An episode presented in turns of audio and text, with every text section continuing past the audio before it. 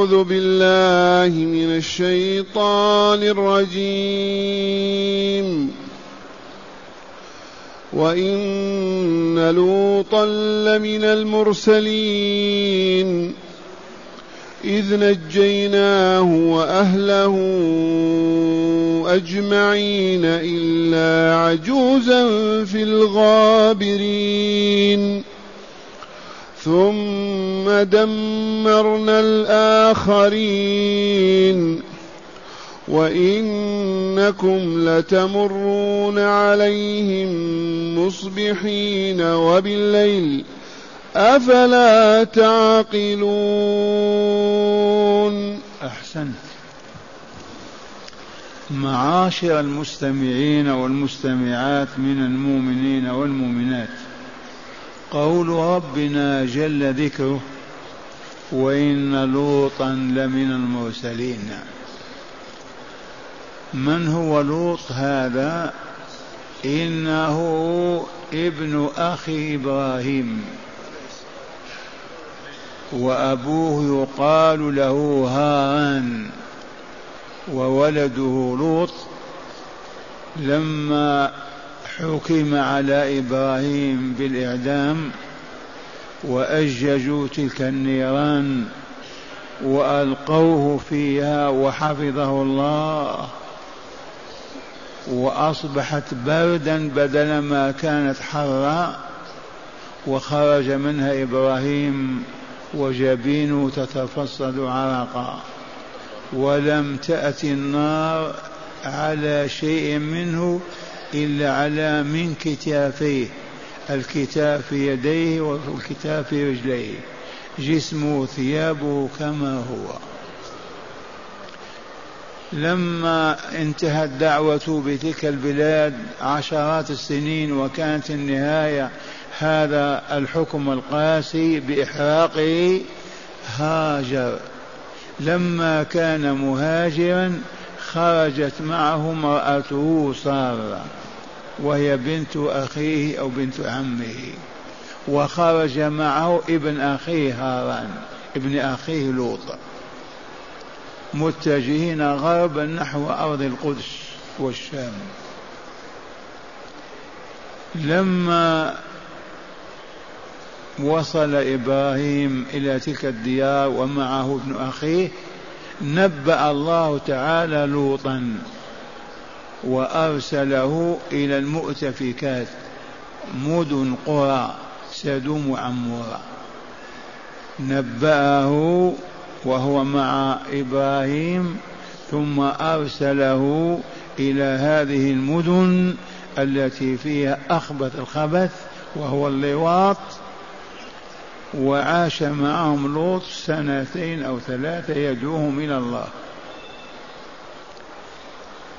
فهنا بإيجاز يقول تعالى وإن لوطا عليه السلام لمن المرسلين أي من جملة الرسل الذين أرسلناهم إلى الأمم والشعوب. وقد علمنا أن عدد الرسل كان ثلاثمائة وثلاثة عشر رسولا على عدة قوم لوط على عدة أهل بدر. لوط من المرسلين إذ جاء إذ نجيناه وأهله أجمعين.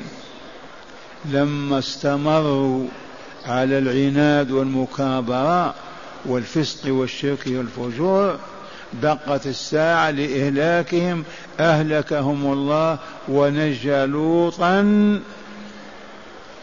ونجى لوطا ومن معه من أهل بيته المؤمنين باستثناء امرأته.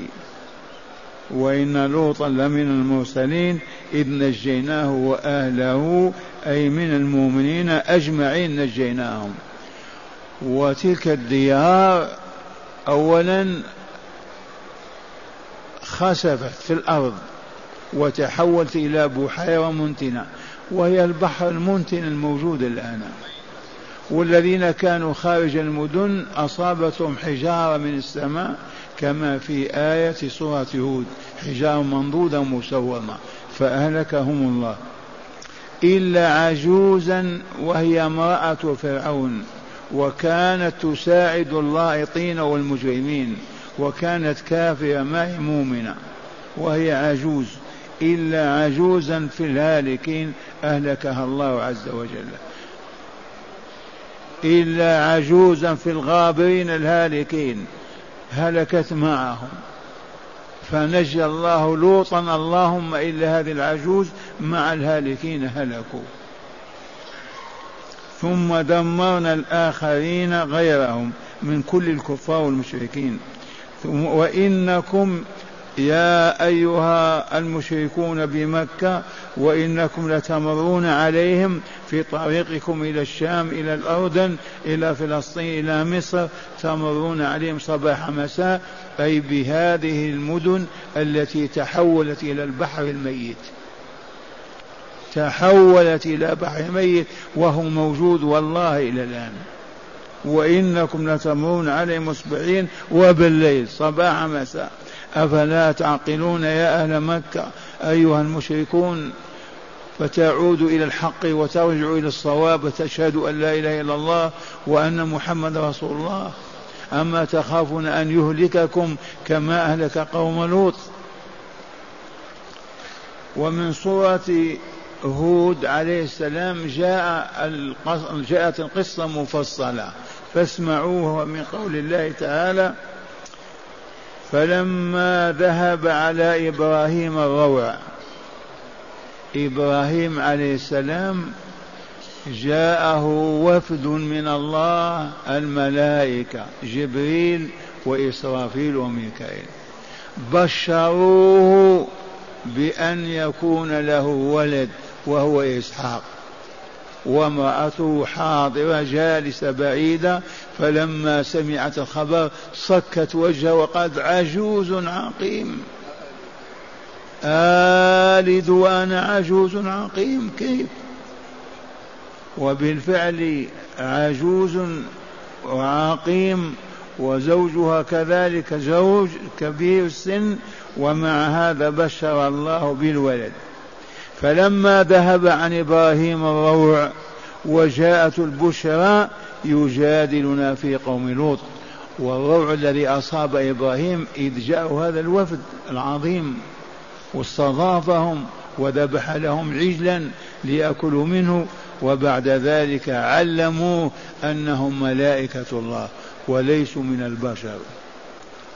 فلما ذهب عن إبراهيم الروع وجاءت البشرى بماذا بأن يولد له ولد وهو إسحاق يجادلنا في قوم لوط؟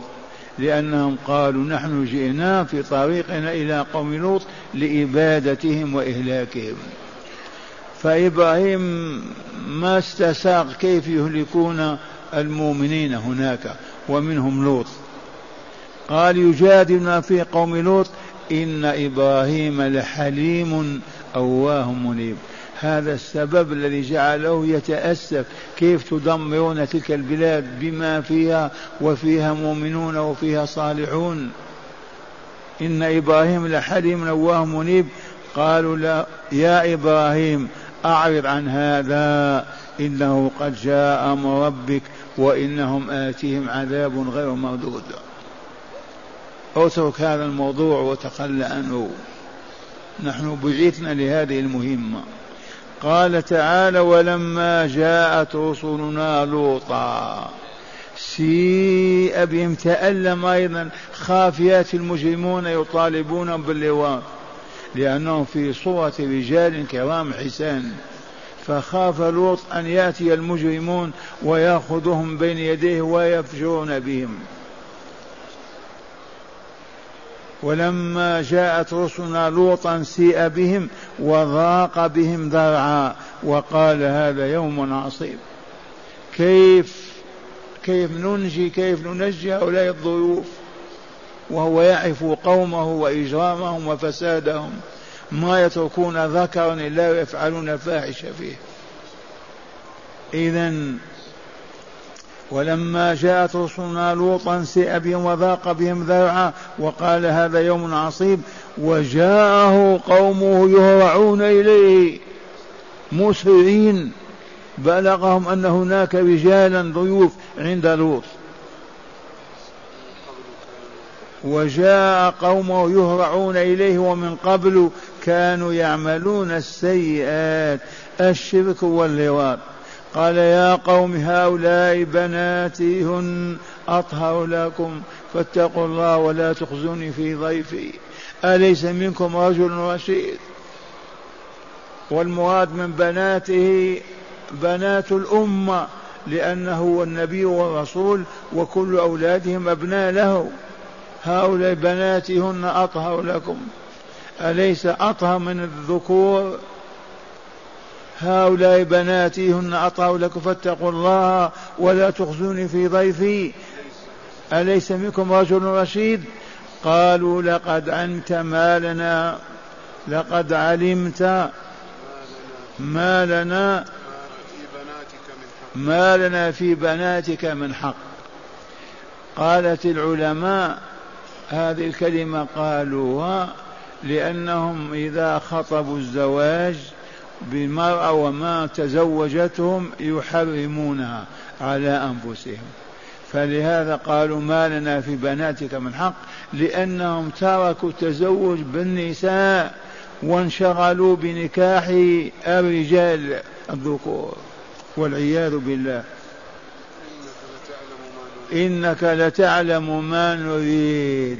معروف يريدون أن يلوطوا هؤلاء الضيوف وهم ملائكة.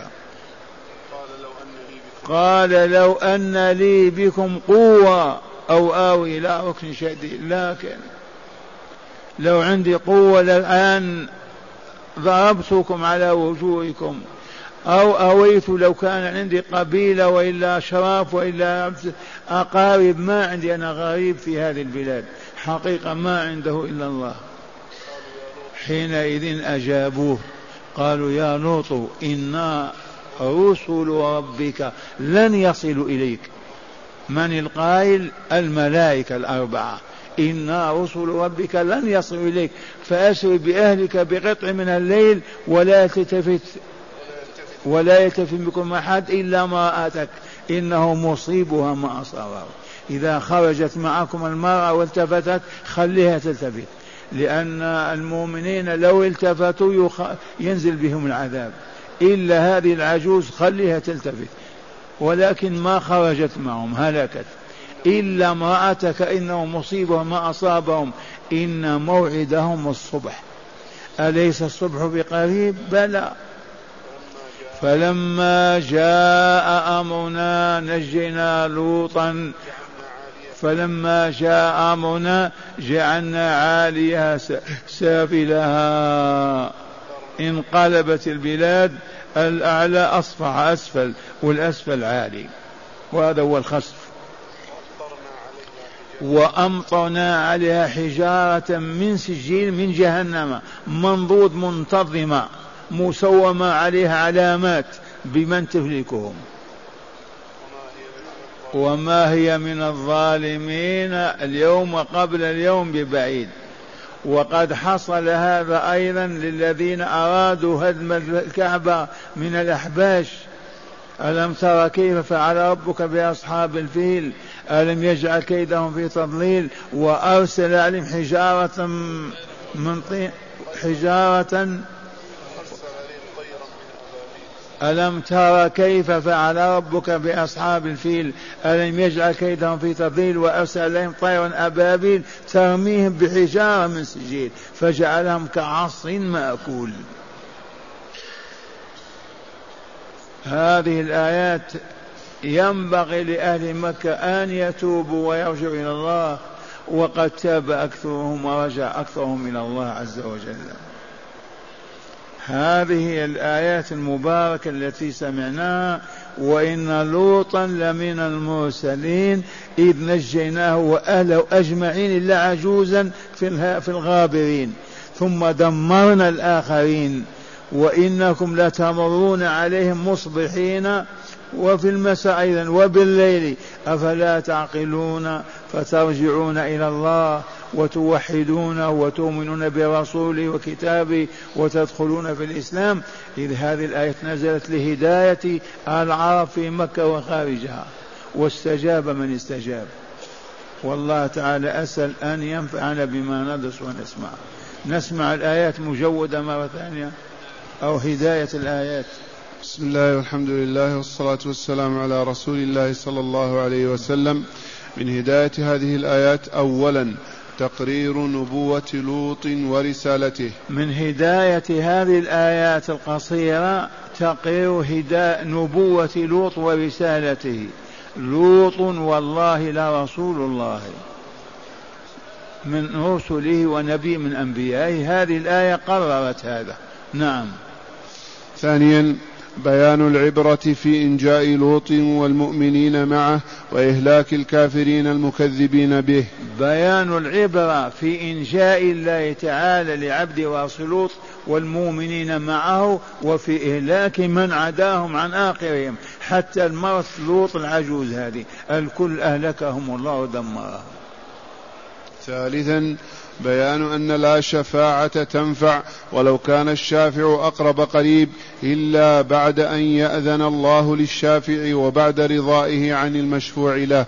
فلوط عليه السلام ما شفع أبدا ما شفع في مرأته هذه حقيقة يجب أن لا تغيب عن أذهاننا وهي من معتقدنا أيها المسلمون وهي أن الشفاعة لا تصح إلا من عبد مؤمن صالح. أولا فاسق فاجر كافر لا تصح شفاعته. ثانيا لا تقبل الشفاعة إلا إذا كان المشفوع له قد رضي الله به. إلا إذا كان المشفوع له من المؤمنين رضي الله به. وإلا هل يشفع إبراهيم في أبيه؟ هل يشفع محمد صلى الله عليه وسلم في أبيه؟ هل يشفع نوح في ولده؟ الجواب لا. الشفاعة أولا أن يأذن الله بها لعبد صالح من عباده والمشفوع له ينبغي أن يكون مما رضيه الله وأراد ذلك منه. وهذا لوط مع امرأته ما شفع لها لأنها كانت كافرة مجرمة تساعد على الباطل. ومن هداية الآيات معشر المستمعين عظيم جرم اللواط وهو من أقبح الذنوب وأسوأها والفاعل والمفعول يقتلان حدا بمجرد يقول الرسول الكريم صلى الله عليه وسلم اقتلوا الفاعل والمفعول اقتلوا الفاعل والمفعول اللايط والمنوط ولا يسمح لهم بالبقاء أبدا ولا يستتابون. اقتلوا الفاعل والمفعول. هذه الجريمة من أعظم الجرائم ويكفي أن بحر الميت كان فيه مدن عظيمة وأمم ومسخهم الله وقلب بهم الأرض وخسف بهم الأرض وأرسل بهم حجارة من جهنم. ولهذا بإجماع الأمة الله يتكلم يجب قتلهما. إلا أن يكون اللايط أو المنوط لم يبلغ سن التكليف. إذا كان طفلا يؤدب يعزى لكن ما يقتل. أما البالغ يجب أن يقتل.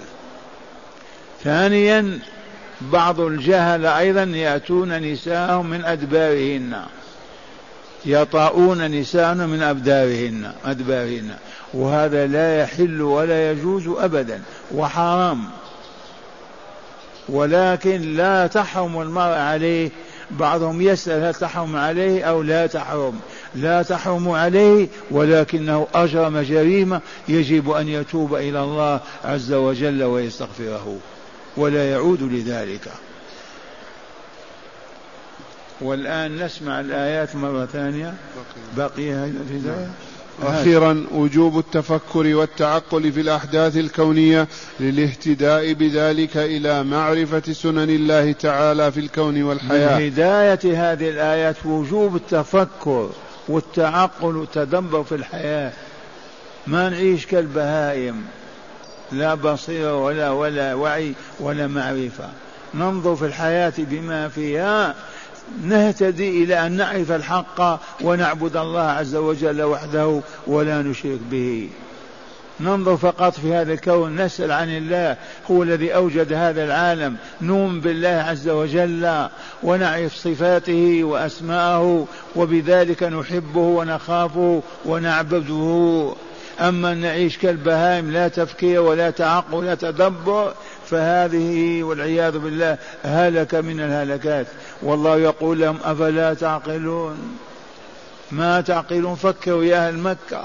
تدبروا لما أهلك الله تلك الأمة وأنتم تمرون عليهم صباح مساء في ذهابكم إلى مصر وإلى الشام وإلى الأردن للتجارة كما كانوا يذهبون ويمرون بتلك البلاد. وقد علموا أن الله مسخهم ودمرهم. لماذا؟ لأنهم كفروا به وكفروا برسوله وأصروا على الشرك واللواط والعياذ بالله تعالى. هذه الآيات لهداية المؤمنين والمؤمنات.